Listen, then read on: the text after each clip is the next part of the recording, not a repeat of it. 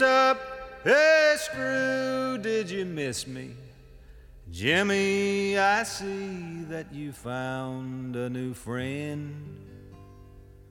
Warden, come down here kiss me hello, cause I'm back home in Huntsville again. Welkom bij de Prison Show, het programma over delict, straf, herstel en terugkeer. Oprecht, onafhankelijk en baanbrekend. Want iedereen heeft recht van spreken en verdient erkenning voor wie hij of zij is. Met Edwin En Frans. Yes, I'm back home in Huntsville again.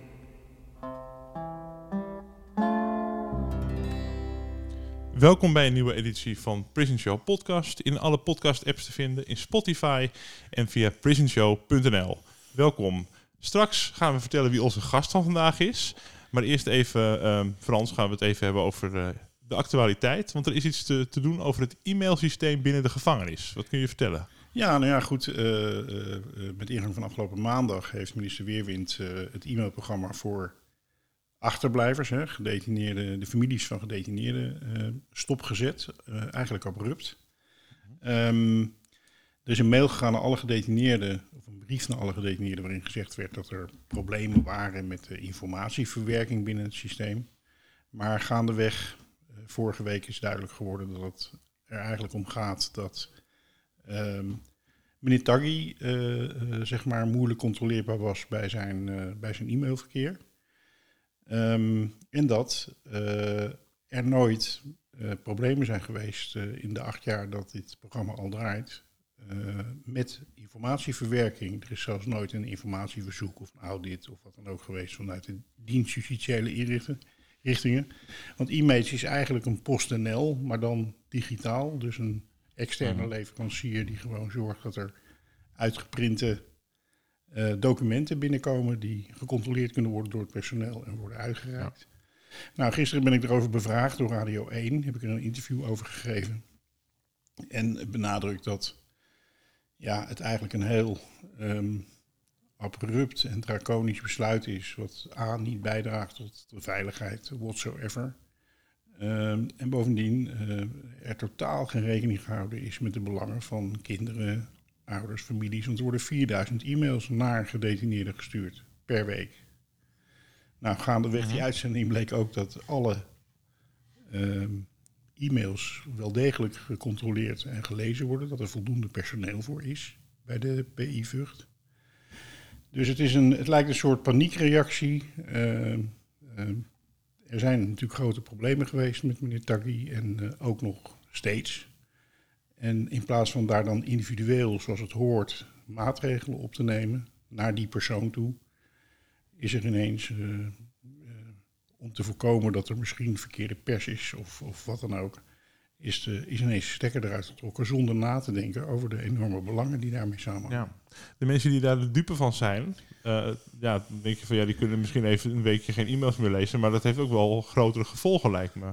Wat kunnen daar gevolgen van zijn die groter zijn? Nou ja, en, en het is geen weekje. Hè. Als er een onderzoek beloofd wordt, dan begin je te praten over een half jaar, over een jaar. Hè. Dat, dat, dat weet je gewoon van tevoren.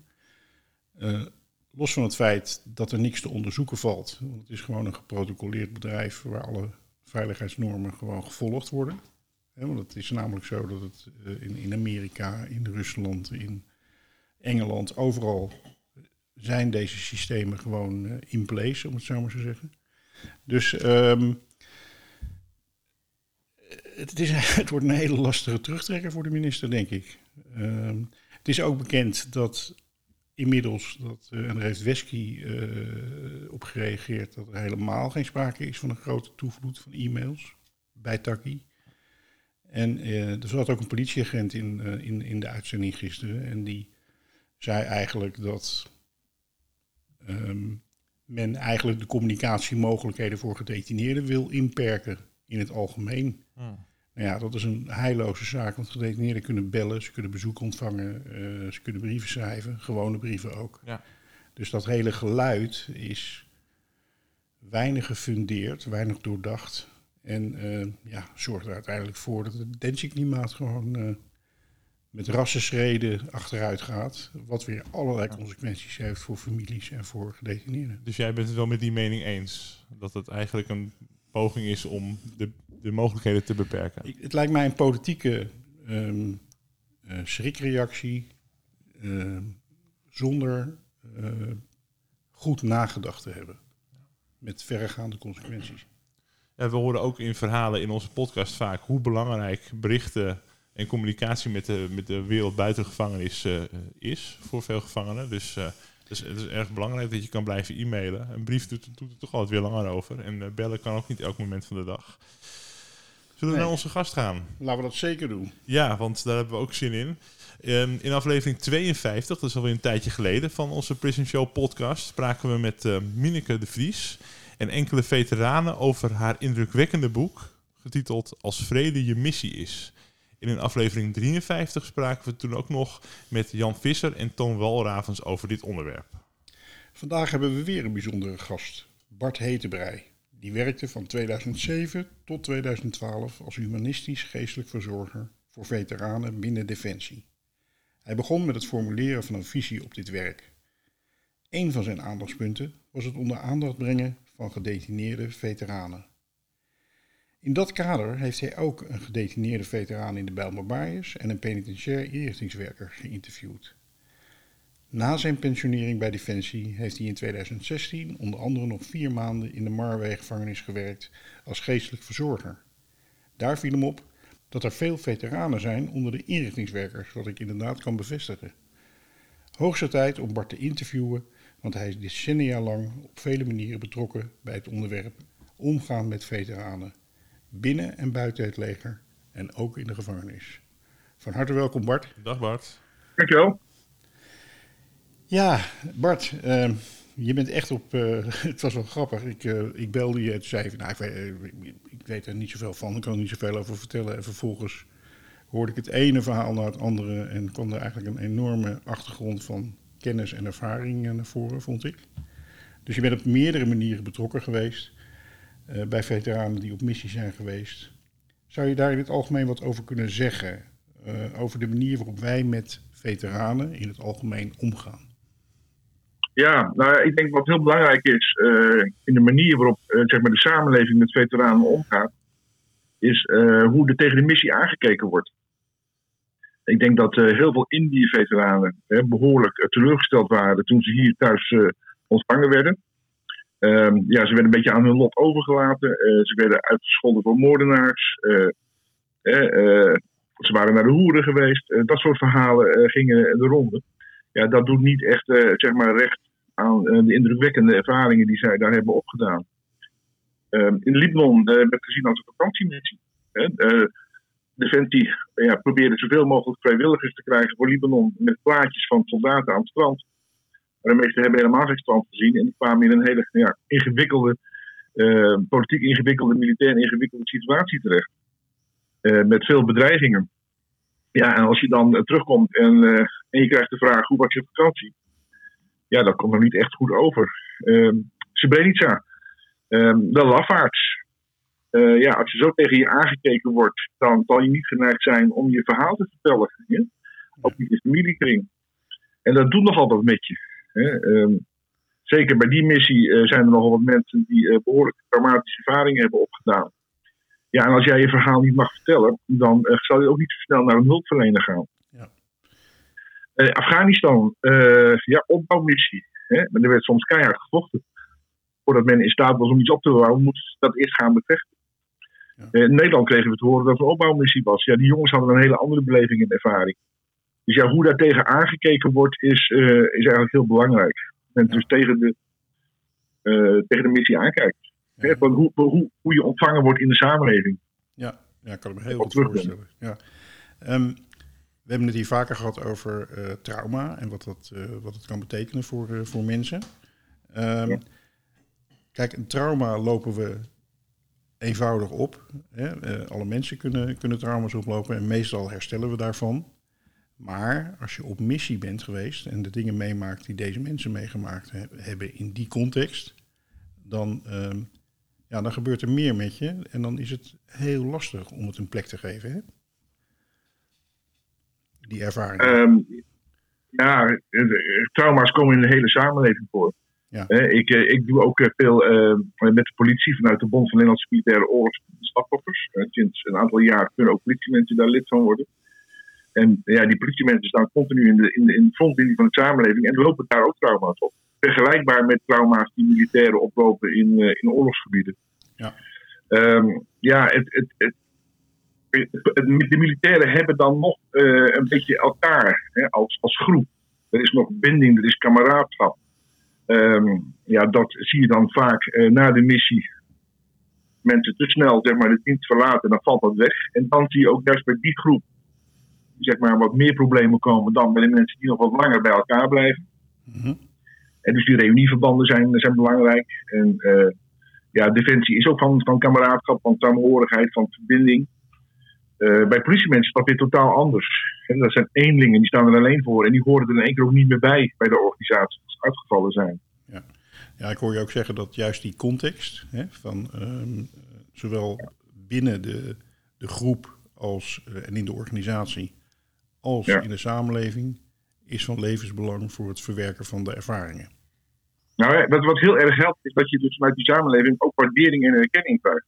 Ja. En als dat ontbreekt, ehm, ja, dan, dan heb je. eh, ja, dan werkt het trauma veel dieper. Hè, Dan wordt ook nog een soort van morele verwonding kan daar aan vastzitten. Ja. Van, ja. ja, ik had vertrouwen in de samenleving en die samenleving die spuugt mij nu uit. Hè. Eh, Ja. de- Een schending van vertrouwen, een schending van wat in jouw ogen goed en, en, en slecht is. Ja. En jouw eigen normen, zeg maar, tegenover de normen van de samenleving. Ja, want je dacht wellicht dat je, eh, en dat denkt de politieagent ook als het over zijn werk gaat, van goh, ik lever een positieve bijdrage. Ik ga in opdracht van, Ja. eh, van mijn overheid, van, mijn, van de samenleving waar ik uit voortkom, doe ik bepaalde dingen. Hè? Dus, eh, dus dat is hartstikke goed dat ik dat doe. En ik denk, ik denk ook dat dat zo is. Hè? Het is ook wat wij allemaal vragen van deze mensen. En vervolgens merk je ineens dat die werkelijkheid er heel anders uitziet. Dat mensen er heel anders tegen gaan aankijken. Ja. Dat lijkt me ontzettend Ja, moeilijk. Ja, nou ja, goed. Kijk, in, in die oorlogsgebieden, of missiegebieden, eh, eh, daar heb je natuurlijk ook eh, situaties eh, waarin je misschien eh, onder groepsdruk of op bevel eh, dingen moet doen die niet stroken met je eigen geweten. Dat hebben we natuurlijk ook veel in Indië gezien. Eh, en als je dan terugkomt in Nederland, ehm, ja, dan moet je daar dat, hè, moet je dat moet je jezelf weer een plaats geven van wie was ik daar en wie ben ik nu nog. Ja. Is dat congruent? Valt dat samen? Ja, en ehm, eh, als je nu kijkt hè, naar, eh, eh, want ik, ik ken mensen zoals die Jan Visser, die toen ook in de podcast is geweest, die was heel lang geleden naar, op uitzending geweest. En dat was in een tijd dat, dat, dat we nog veel minder afwisten van trauma en opvang en dat soort dingen. Is dat wel Ja. sterk verbeterd, vind je, bij het leger? Nou, er is heel veel wetenschappelijk onderzoek gedaan. Eh, in de Eerste Wereldoorlog noemden we het shell shock. Ehm, in Indië was het eh Mattaklap hè, of eh tropenkolder. Ja. en dat werd een beetje gekscherend afgedaan. Dus nu wel heel veel, bij Defensie althans, heel veel onderzoek gedaan. En ook ehm, de Nederlandse Defensieacademie in samenwerking met de Politieacademie doen heel veel onderzoek. Er zijn mensen die erop promoveren. En, ehm, er zijn eh, programma's voor ehm, naar de militairen die op missie gaan. eh, en er enigszins op voor te bereiden. Hè, wat, men, wat, wat overkomen. En maar goed, eh, de, de ervaring is natuurlijk altijd anders hè, dan zeg maar de theorie. Ja, nou ja, En, kan, ik denk dat inmiddels kan nog wel veel verbeterd worden. Hè, dat is zeker zo. Ja, want, want wat we vaak tegenkomen is dat, dat we wetenschappelijk eigenlijk heel goed weten wat er aan de hand is en hoe je daarmee om zou moeten gaan. En ik denk dat dat Ja. voor mensen die bij, de, bij, de, bij het leger en bij de politie en bij het gevangeniswezen, waar het overigens ook regelmatig voorkomt, dat mensen getraumatiseerd raken, we Ja. weten wat er moet gebeuren, maar doen we het ook? Ja, ja, ja, ja verder. dat, dat, dat is de ene organisatie ietsje verder in dan de andere organisatie, denk ik. Mhm. Eh, het heeft ook te maken natuurlijk met eh, de mensen die het betreft. Hè, eh, wat is hun voorgeschiedenis, wat is hun vooropleiding? Eh, staan ze stevig in, in, in hun schoenen? Hè? We zien nogal eens dat die mensen in die geuniformeerde beroepen juist die beroepen opzoeken omdat het heel veel structuur biedt. Die ze misschien in het verleden wat minder hebben gehad. Hè? Dat maakt ze misschien ietsje kwetsbaarder. Goed, dat is een vooronder- vooronderstelling. Mhm. Maar er kan zeker nog, uh, nog uh, ja, meer activiteiten gericht op die waardering en erkenning. Dat denk ik wel belangrijk. Ja.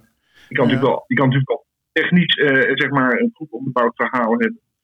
En, en, maatregelen nemen op dat gebied. Maar het gaat om dat je ja, gewoon de erkenning krijgt dat je dat beroep gedaan hebt. En dat je daar ook ja, risico. Het is een hoog risicoberoep.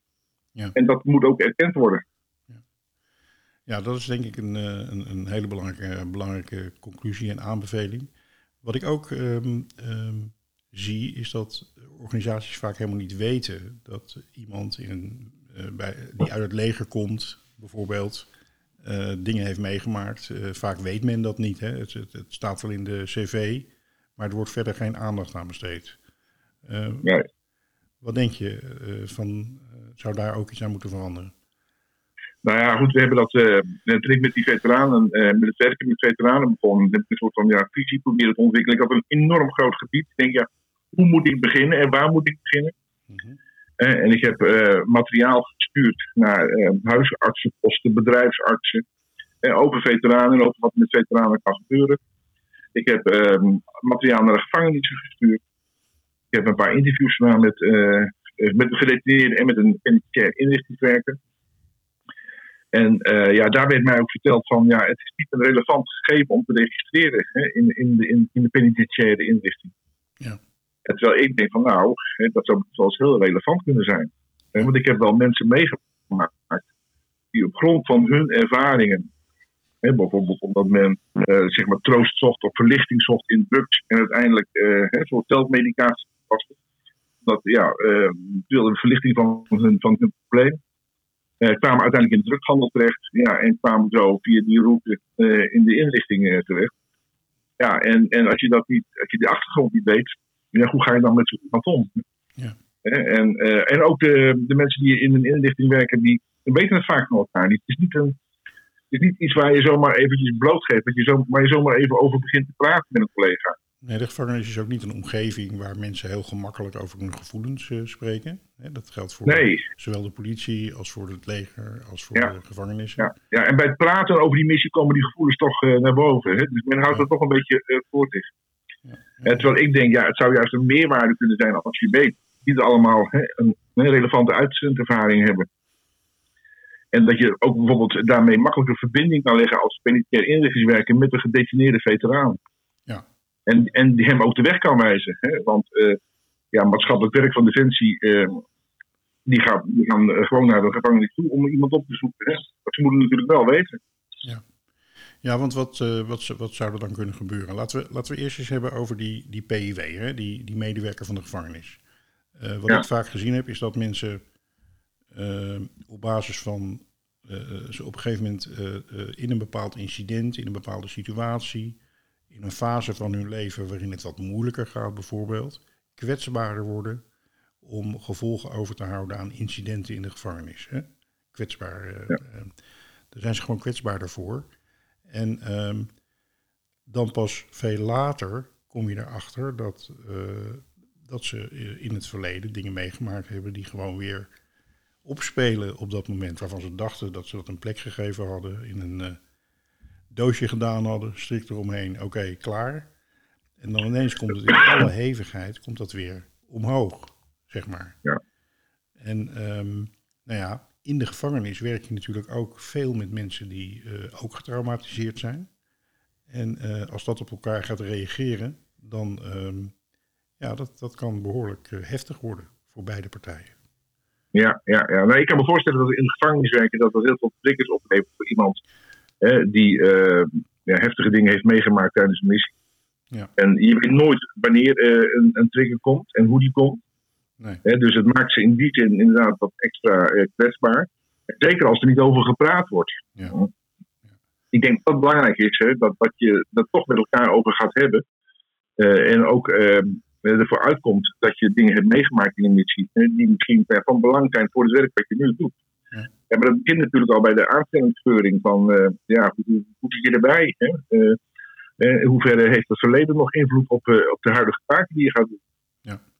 Nou ja, wat, wat, ehm, wat best lastig is, en daar heb jij veel ervaring mee, want je hebt echt geprobeerd om daar het gesprek over aan te gaan. Hè? Dus allerlei materiaal gestuurd naar, de, naar het gevangeniswezen en dat soort dingen. Ja. het is nog wel even wat anders om uh, daadwerkelijk daar uh, gestructureerd en, en, en, duurzaam aandacht voor te krijgen. Hè? Om zo'n systeem ja. als het ware gevoelig te maken voor het feit dat er mensen zijn die eventueel rondlopen met, uh, met moeilijk verwerkte trauma's uit het verleden. Hè? In dit geval veteranen. Hè? Want dat, eigenlijk zou je dan wij spreken het aan moeten registreren, bespreekbaar moeten maken. Je zou iets moeten organiseren dat ja, mensen elkaar kennen en weten dat anderen ook uh, veteraan zijn.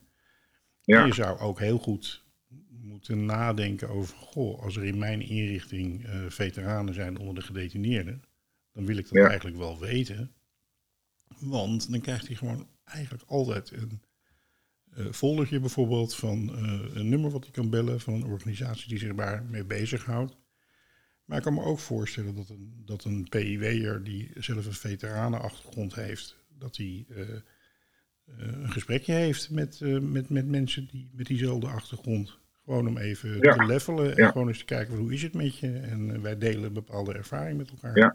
Ja, ja, dan heb je eigenlijk heel weinig woorden nodig. Hè? Als je dezelfde achtergrond hebt, dezelfde ervaring, hetzelfde soort ervaring hebt dan is het heel makkelijk voor jou om uh, uh, zeg maar toegang te krijgen tot een, uh, tot een veteraan, hè, tot een gedetineerde veteraan.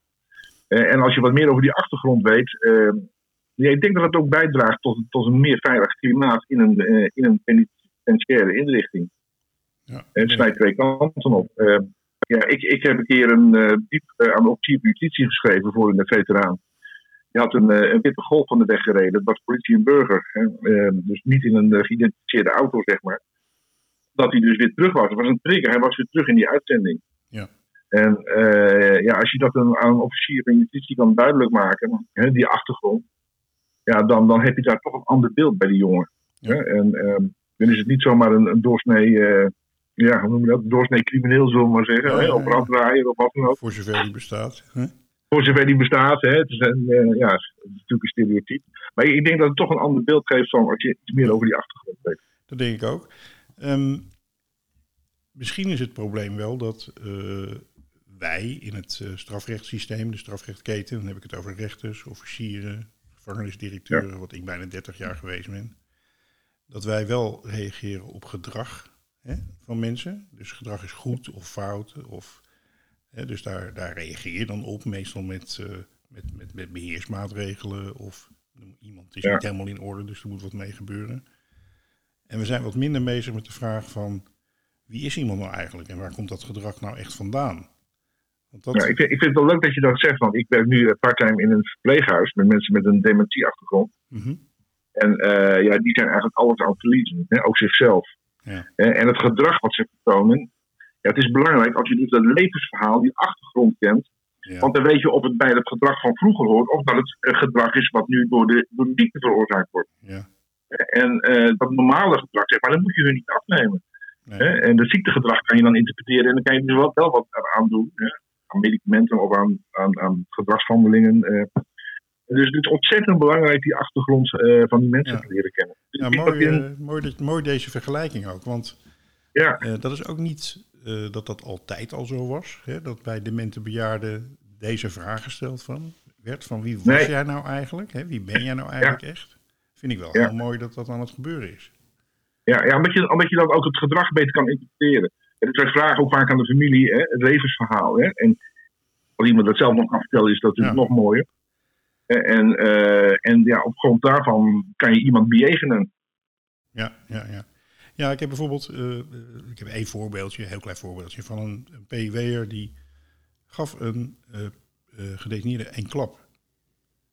Um, nou, normaal gesproken is dat reden om iemand te ontslaan of, of, heel disciplinair te reageren. Maar dat was dus iemand die inderdaad een trauma had opgelopen. in zijn gezin van herkomst was een onveilige situatie waarbij zijn moeder regelmatig mishandeld werd. Um, hij nam het dus op voor zijn moeder. dat had hij met, met verven gedaan. Hij had het vechtsport gedaan en gaan ze maar door. En vervolgens uh, was, had zijn moeder kanker. Op het moment dat die gedetineerde zei van krijgt kanker. En toen haalde hij uit. Ja, ja. Het mag niet, het mag niet, natuurlijk mag het niet. En dat, dat wissel je ook met elkaar uit. Maar het is veel belangrijker en veel effectiever om met die jongen te gaan praten over van joh, ja, waar komt het nou vandaan? En hoe kunnen we nou met elkaar een plan maken dat, dat, ja, dat je daar wat mee gaat doen? Hè? En hoe kunnen we je daarbij ondersteunen? En, ehm, Ja, nou, mhm. ik heb het uitzending ook meegemaakt eh, dat een, eh, een eh, wachtmeester een, een, een een soldaat, zeg maar, sloeg. En, en natuurlijk kan je die man kan je repatriëren. Hè? Die, die gaat eigenlijk een, een strafbaar feit. Ja. Ehm, maar goed, eh, je kan ook richten op herstel en verzoening. En dus we hebben gewoon gesprekken gevoerd. En, ehm, en niet in de juri- je wil niet in, eigenlijk in het juridisch traject komen. Hè, waarbij je eigenlijk Ja. alleen maar verliezers hebt aan beide kanten. Nee, het eerste wat ik toen gedaan heb, overigens, is met die eh, medewerker naar de gedetineerde gaan, met z'n drieën gaan zitten en eh, Ja. uitwisselen wat er gebeurd was. En die mannen Ja. hebben elkaar de hand geschud en Ja. daar was het klaar mee. Op dat moment, hè, het kan ook anders lopen, maar dat was zo Ja. gegaan. En ik dacht, ik denk dat dat een goede afloop was. Ja, ja, maar ik denk dat we veel meer ook op dat herstelgerichte zouden moeten inzetten. Hè, in alle lagen en alle facetten van de samenleving. Ja. Want we zijn aan, volledig aan het juridiseren en eh, gelijk halen en recht halen ten koste van, eh, van alles. Ja. Hetzelfde, eh, jullie begonnen over, die, over dat mailverkeer in de gevangenis. Ja. Ik denk als je een directeur was die een uitzendervaring had, en dan zou je weten hè, hoe belangrijk eh, een mail en post is en dat mensen daarop leven. Ja. En dan zou je het echt niet in je hoofd halen om zomaar roeksigloos hè, de hele populatie eh het mailverkeer af te sluiten. Ja. Ik weet niet of dat de bedoeling is hoor, dat alles allemaal eruit gaat, maar je zou daar echt nog een keer goed over nagedacht hebben, denk ik. Als je, Ja, nou, bij, Eh, bij het besluit is daar duidelijk niet over nagedacht. Hè. De, de, in de brief van de gedetineerde stond van ja, je kunt, je kunt nog bellen en, en schrijven. Ja, schrijven is heel ingewikkeld, kost ontzettend veel tijd. Bellen doe je op een gang waar nog een paar wachtenden zijn. En dat, dat is altijd onder stress en, en, en lastig om, om met je partner bijvoorbeeld of met je kinderen een normaal gesprek te hebben. Ja. Ehm, dus er is bij, bij dit besluit helemaal geen rekening gehouden met die belangen, althans niet zwaar gewogen. Nee. En ehm, ja, dat is wel structureel voor, eh, voor, voor hoe mensen over dingen, langs dingen heen gaan, als ze zich niet bewust Ja. zijn van welke belangen er allemaal spelen. En ik vind dit heel mooi wat je zegt, want inderdaad, in die zin kun je detentie en, eh, en een uitzending wel vergelijken. De achterblijvers, de kinderen, die reageren, de fotootjes, de, eh, ja, dat houdt iemand overeind in de gevangenis. Maar wat wellicht nog een stuk belangrijker is, dat zorgt ook dat de kinderen kunnen blijven ervaren dat ze een vader hebben. En eh, Ja. dat, dat de partner eh, eh, contact kan hebben en het volhoudt buiten. Want de partner heeft het vaak Ja. ontzettend moeilijk buiten. Die Ja. staat er alleen voor. Op missie zit je vier maanden of zes maanden op uitzending. En ik had ook al het gevoel, toen ik op missie was, je mist gewoon, ik, zou eens gewoon weer kinderen op straat willen zien. Ja, Als je op zo'n kamp zit, hè, een maand, en alleen maar af en toe eens een keer eruit gaat voor patrouilles. En je, komt, je, komt, eh, je wil de oude mensen zien, je wil kinderen zien, je wil de samenleving weer zien. Ja. En dat is eh, eh, zo belangrijk, eh, want je zit op dat kamp. Hè, dan is de, zeg maar de, de kwaliteit van leidinggeven is ontzettend belangrijk. Hè, de, ehm, het heeft ook invloed op de onderlinge omgang. Maar dat speelt in een, in een gevangenis, eh, in een inrichting, speelt dat ook. ja, ja zeker, zeker. Ja, bedankt voor deze, voor deze opmerking, want dat eh, steunt ons wel Ja. heel erg. En ook alle achterblijvers die naar dit, eh, naar dit Ja. eh, programma luisteren. Dat steunt, ondersteunt ons wel heel erg in eh, waar we mee bezig zijn. Dat het inderdaad een belangrijke zaak is. Ja, mooi, dankjewel. Ik vind dat eh, vergelijk wel, wel mooi tussen wat jullie net trekken. En ik denk ook een beetje aan, ehm, ja, aan, aan, aan hoe weinig er soms wordt gepraat door veteranen. Ik weet dan dat mijn opa in Nederlands-Indië is geweest na de Tweede Wereldoorlog. En ik heb hem daar nooit over gehoord. En volgens mijn moeder, ja, sprak hij daar nooit over. En dat hoor ik van heel veel mensen, ook bij die op andere missies zijn geweest. Ehm, en ik heb ook het gevoel dat het vroeger veel meer was van... eh, ja, je moet je een beetje vermannen. eh, je moet dingen maar gewoon kunnen verwerken. En er werd niet zo aan de psychische bijstand achteraf... eh, of traumaverwerking... eh werd niet heel erg op gelet. En dat lijkt me tegenwoordig veel, be- veel beter geregeld. Of in ieder geval dat daar wel oog, oog voor is. Ja, Er is, wel, er is wel meer oog voor, denk ik. Maar ehm, eh, zeg maar de cultuur ehm, en binnen een, een gevangenis of politie of, of eh, leger is natuurlijk ook nog wel een beetje op het vermannen gericht. Hè? Op beheersing, op controle. Ja. En ehm, ja, daardoor laat je die emoties ook minder toe. En je vertelt daardoor ook minder over de dingen die je hebt meegemaakt. Kijk, je hoort een leuke anekdotes die hoor je op verjaardag. Maar echt die diepe gevoelens hè, van schaamte, van schuld. Hè, als je het hebt over morele bonding. Angst, als je het hebt over PTSS, trauma. Ja, daar spreken mensen niet over. Dat maakt je kwetsbaar. En juist in die beroepen, hè, als inlichtingwerker, als politieman, als, als militair, wil je de controle, wil je de beheersing. Ik heb, altijd een, ik heb een Servische veteraan ontmoet. En die heeft dit boekje geschreven, dat heb ik laten vertalen. En dat gaat over het sprookje van de dappere ridder. En ehm, de ridder die krijgt zijn helm niet af. En, ehm, en ja, kan daardoor ook niet zijn emoties laten zien aan zijn gezin. En uiteindelijk ehm, accepteert het gezin hem. Maar de helm staat eigenlijk symbool voor. eh, hij is niet meer de man die hij was. Hij is niet meer de man die zijn emoties. eh, de goede emoties, behalve dan de boosheid, zoals je hier ziet. Ja. Maar niet de liefde en, en, en dat betrokkenheid kan uit. Deze gaan we in de show notes eh, zetten, de dappere ridder. ik vind het ook een prachtige, prachtige metafoor, overigens. Ja. Ehm, ja, ik denk dat inmiddels er is veel aandacht voor, dat zeg je ook. Hè? Er is ook eh, steeds meer, ook in de media, aandacht voor dit soort dingen. En dan kijken we ernaar en dan worden we geraakt. En dan, dan snappen we allemaal wel hoe het zit hè? met een, eh, een jongen die in Srebrenica bijvoorbeeld geweest is. En Ja. eh, wat hij daar allemaal heeft gezien en meegemaakt. Maar vervolgens, en die bewustwording is natuurlijk belangrijk, maar vervolgens moeten organisaties daar ook wat mee gaan doen. Hoe, Ja. hoe, wat zijn je aanbevelingen? Wat, eh, wat, Nou ja, goed. Ik, ik, ben, ik ben zelf in Srebrenica geweest. eh, In 95. Ik was met verlof en kon niet meer terug. Ik heb in de Zagreb ben ik met allemaal verlofgangers blijven hangen. Ja, wat wij gedaan hebben. er kwamen heel veel klachten naar de missie over. Er is geen nazorg. Mhm. Nazorg was dit feitelijk wel.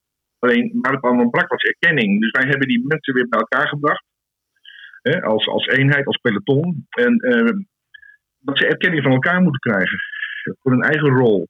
En later hebben we hun ook in contact gebracht met Indië-veteranen.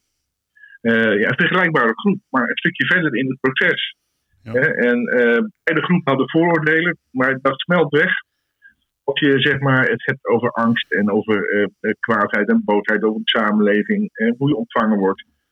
Eh, daar zit heel veel overeenkomst in. En die oudere veteranen geven erkenning aan de jonge veteranen. En die jonge veteranen die geven die oudere veteranen het idee van we zijn weer van nut. Hè, onze ervaringen tellen weer mee. Ja. En ja, dat zijn belangrijke dingen. Nu zijn er eh, 28 jaar na dato gaan we terugkeerreizen organiseren. Eh, een opdracht van de overheid. En Dat wordt een heel groot project. Zit ook in de werkgroep voorbereiding daarvan. Dus dat is een, eh, eh, dat is een mogelijkheid. Ja, ik heb daar Eh, in hele het verleden hebben we wel eens goede, goede verhalen over gehoord van eh, in Bosnië-Herzegovina. Daar was ik pas geleden. Dat is waar Srebrenica ook eh, ligt. En Ja. ehm, de mensen daar die mij ook vertelden over Nederlanders die ieder jaar terugkomen. En eh, Ja. hoe positief zij daar ook over waren.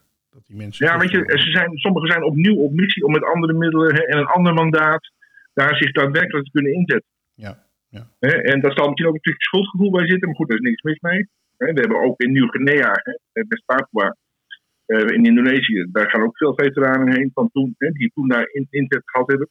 Ja, die voelen zich schuldig omdat Papua's verraden zijn. Hè, en die stichten daar een school, die brengen daar geld heen. Ja. Ehm, ja, dat zijn initiatieven om ook weer met, in het reinen te komen met jezelf. En wat je ook zegt is van, eh, zorg nou dat, dat faciliteer, hè, dat kan je vanuit een orga- organisatie doen of vanuit de overheid, faciliteer nou dat veteranen die in een, bij de politie of bij eh, eh, bijvoorbeeld het gevangeniswezen werken, dat die elkaar ontmoeten. Hè? Dat die Ja. eh, een soort bondgenotengroepje hebben die af en toe eens een keer bij elkaar komen. Hè? Eh, eh, Ja. Dat, dat. Ja, nou dus eh, die erkenning komt van elkaar. En ze hebben ook maar, ze hebben maar een half woord nodig om elkaar te begrijpen. Ze, zien ook emoties en, bij elkaar. En, en dat mag ook. Hè, er is ook ruimte voor. Ja. En wat heel belangrijk is, neem het gezin mee, de partner. Mhm. Hè, wij hebben van de BNMO eh bijkomend eh vrijwilliger voor Ben ook politieprogramma speciaal voor de partner. De partners die gaan soms ook door een hel. Hè, en niet een paar dagen, nee, jaren. Ja, ja, ja. ja. De vrouwen van de Indie-veteranen zeiden: wij zijn de onbetaalde verpleegsters. Ja, ja, ja. Ja. Nou ja, dat kan ik me heel goed voorstellen. En dat lijkt ook heel erg op de problematiek van relaties van gedetineerden. Die, eh, Absoluut, absoluut. Ja, Wat wel eens vergeten wordt, is dat zij er, ze zijn voortdurend bezig om die man in de gevangenis te ondersteunen. Er wordt wel Ja. eens gezegd van, he did the crime and eh, I'm doing the time. Hè? Ja, Ehm, Maar wat wel vergeten wordt, ze zijn er natuurlijk niet alleen voor de ondersteuning van die mannen. Ik bedoel, ze hebben ook hun eigen leven en hun eigen eh, problematiek en dingen die ze op moeten lossen. En Ja. ehm, nou ja, inderdaad, ze moeten ook echt meegenomen worden in, in de oplossing. En in de, ondersteuning aan de gedetineerden of aan de veteranen of wat dan ook. En dat Ja. is wel een, eh, een pittige opdracht, denk ik, voor... eh, oh, zeker, zeker. En kijk, en, en met name als je het dus hebt over eh, zeg maar partners van mensen die in TBS zitten. Die hebben natuurlijk ook een imagoprobleem. ja, Wij kunnen hun verhaal ook niet kwijt, hè, die partners. Hè, want ja, hier wordt hè, TBS, nou, dus dat is tweede delinquent of ik wat. En die worden uitgekocht. En hè, pedofilie, noem maar op. Dat soort zaken. Ja, wat, wat doen wij eigenlijk voor die partners? Ja. En voor die kinderen? Want- die gaan vaak door een hel. ja, en de ouders natuurlijk. Ja. En de ouders, zeker. Ja, Ja, dus dat is, een, eh, eh, dat is wel een enorme breuk met zoals het nu gaat. Hè. Eh, de organisaties hebben een formele relatie met een medewerker, zolang Ja. als die in dienst is. Ja. Op het moment dat een medewerker ziek wordt, het werk niet meer aan kan of whatever, dan is het ook Ja. Na verloop van tijd een ex-medewerker. Dus dan zijn we daar ook niet meer verantwoordelijk voor. Nee. Laat staan dat we ons verantwoordelijk voelen voor eh, mensen die helemaal geen formele positie naar de organisatie hebben, namelijk de relaties van gedetineerden of de, de familieleden van veteranen. Ja, maar bij, bij Defensie is dat wat anders geregeld. Hè. Tijdens missie heb je die thuisgrondcomité's. En die, daar- daardoor ontstaan relaties, daardoor ontstaan netwerken. Hè, die ook na de missie, zelfs na ontslag, ehm, eh, gaat dat gewoon verder. Ja. Hè, dat, dat zou de politie ook wat meer eh, op moeten inzetten, denk ik. En justitie misschien ook wel. Ja. Overigens kunnen justitiemedewerkers die in en door het werk beschadigd zijn geraakt, ook zonder de militaire achtergrond lid worden van de Bond van Nederlandse Militaire Oorlogs- en Dienstslachtoffers. Oh, dat is een belangrijke Dan kunnen ze deelnemen aan programma's hè, eh, voor 40 euro per jaar. Dat is 42 euro geloof ik. Ik ga geen reclame maken, maar die mensen, zoveel mensen zie ik daarvan opknappen. Zoveel mensen die lotgenoten ontmoeten. Ja. Lotgenoten in ervaringen. Ik denk dat velen eh, eh, of denken van nou, eh, ik ben een man, ik praat niet over mijn problemen. Dus alleen al daarom moeite hebben om zich daarbij aan te sluiten. Ja. Ehm, En velen zullen het ook niet weten. Nee, Dus des te meer lijkt het me heel goed als daar veel actiever mee omgegaan wordt door de organisaties zelf. Ja. Hè, dat, eh, Ja. het, het is grappig dat er zo'n parallel ook loopt met de achterblijvers. Hè? Dat, eh, ja, ja, ja, ja, ja, ja, absoluut. Ja. Dat, eh, dat Ja. organisaties heel erg kijken naar de, de inzetbaarheid, naar de. Ja. en, en, en niet naar de, de, de andere waarden die ook heel belangrijk zijn. En ook voor de samenleving heel belangrijk zijn. Aandacht voor de gezinnen, hè, voor de partners, verhoogt de inzetbaarheid van de medewerkers van de politie, defensie en justitie. Ja, je kan zelfs. Dat is dan meer de duurzaamheid op langere termijn. Hè? Ja. Als je daar nu Ja. in investeert, dan kost dat misschien wat. Dat zou kunnen. Het kost Ja. aandacht, het kost misschien wat geld, misschien wat je wat weet je, al breng je alleen maar die mensen met elkaar in contact. Ja. Dus het, het is niet zozeer een geldkwestie, maar het is een, meer een orga- organisatiekwestie. Ja, dat misschien dat je ook. een kantine, kantine ter beschikking kan stellen, een kop koffie en een plak cake. En maar breng die mensen bij elkaar. En, en zijn de ervaringsdeskundigen. Hè? Die hebben ervaringsdeskundigheid en zijn daardoor ook in staat om heel veel, eh, nou ja, die in dezelfde positie zitten te helpen. Ja, en ehm, ik weet niet, zijn er vanuit de geestelijke verzorging eh, initiatieven om veteranen in een inrichting, in een penitentiaire inrichting bij elkaar te brengen? Zijn dat, is dat wel eens gebeurd? Dat dat, eh, Nou, ik, ik, ik heb ehm, wel heb, geprobeerd om daar wat initiatief in te nemen. Hè, ehm, ook om justitiemedewerkers. Ik ben begonnen in de Marwij om die proberen eh, zeg maar, in contact te brengen met eh, wat toen nog de basis was in de BNMO. Ja, dat is toch een beetje. eh, dat heb ik bij de politie heb ik ook heel veel moeite mee gehad. Het is vreemd, het is niet van ons. Een beetje argwaan, wat moeten die lui van ons? We hebben het toch voor elkaar? Dus ja, dat, dat, dat, is een, echt een goede strategie nodig en een lange termijn. Een, lange adem, door maar zeggen. Ja, ja, ja, ja, dat denk ik ook. Ik heb wel contact gehad hoor, met een vakbond van de, van de justitie. die zijn een keer langs geweest en waren ook geïnteresseerd. maar dat is alweer een hele tijd geleden. Ja, vervolgens heb ik daar niet, niet veel meer van gehoord, heel eerlijk zeggen. Nee, nee, nee. Nee, het is, uh, uh, dat is heel erg jammer. En uh, ja. ik denk dat, dat we deze podcast wel kunnen beschouwen als een oproep om ja. we ook in de samenleving vaker horen van joh, verdiep je nou eens in die, in die veteranen en wat er met ze aan de hand ja. is. En neem dan vervolgens ook verantwoordelijkheid. Hè? Want ja. ja, wat, tegenwoordig, wat je tegenwoordig vaker hoort in het kader van bijvoorbeeld de term Ubuntu, hè? dat is van um, de wereld is niet verdeeld in veteranen en in uh, andere mensen. De veteranen, dat zijn wij. Hè? Het zijn gewoon onze kinderen, onze broers en zussen die, ja. Voor ons. Ja.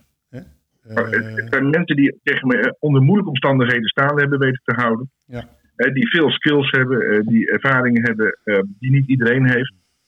En ik denk dat die heel erg nou, goed passen in de huidige samenleving. Het zijn onze mensen. Het zijn onze mensen, dus die verantwoordelijkheid hebben we ook. Ja. Die brengen ook wat extra's meer mee in de samenleving.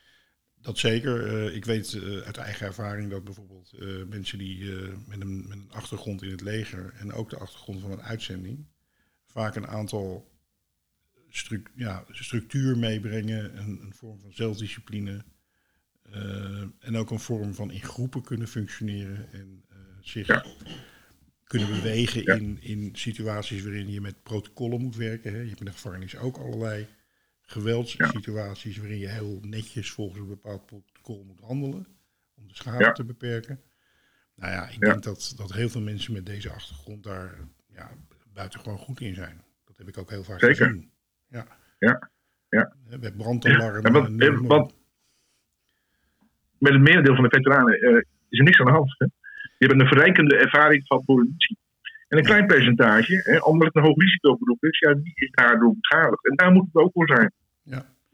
Nou ja, ik denk dat het goed is dat je deze opmerking maakt, want eh, Bart, want inderdaad is het zo, eh, als een veteraan luistert, en dat is in de vorige podcast van ons ook wel gezegd, van nu gaan nu niet het beeld schetsen dat wij allemaal matjeklap zijn en huiselijk geweld plegen en eh, in de gevangenis terechtkomen en dat soort dingen.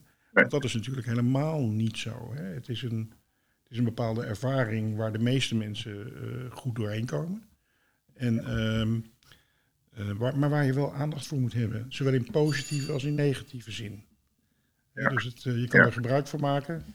En je kunt er... ehm, ehm, je, je kan er soms moet je er aandacht aan besteden omdat het eh, eh, tot problemen kan leiden. Zeker. Bart, mag ik je heel hartelijk bedanken voor dit gesprek. Nou, Frans, ik vond het een heel prettig gesprek. Ja, ik ook. En eh, ik wens jou heel veel succes op jouw eh, tocht door eh, de verbetering van het gevangenisklimaat in de wereld. Ja, dankjewel. dankjewel. Ja, Ja, ja, ik herken wel iets van, eh, van jouw bevlogenheid. Dus eh, ja, dankjewel. Dankjewel. Ja, eh, dat straal jij ook af. Dankjewel. Oké, Hopelijk tot ziens. ja, tot ziens. Hoi. Hoi, dankjewel. Ook de luisteraar eh, hartelijk bedankt. En ehm, wil je reageren op de podcast? Dat kan natuurlijk eh, onder andere op onze social media. Prison Show podcast is te vinden op Facebook, op Twitter. Ehm, op eh, prisonshow.nl kun je ook reageren onder onze berichten. Ehm, ja, en je hoorde misschien de bel. Dat zijn onze gasten die we voor volgende week in petto hebben. En dat hoor je volgende week. Tot dan. Tot dan. Dag. Yes, I'm back home in Huntsville again.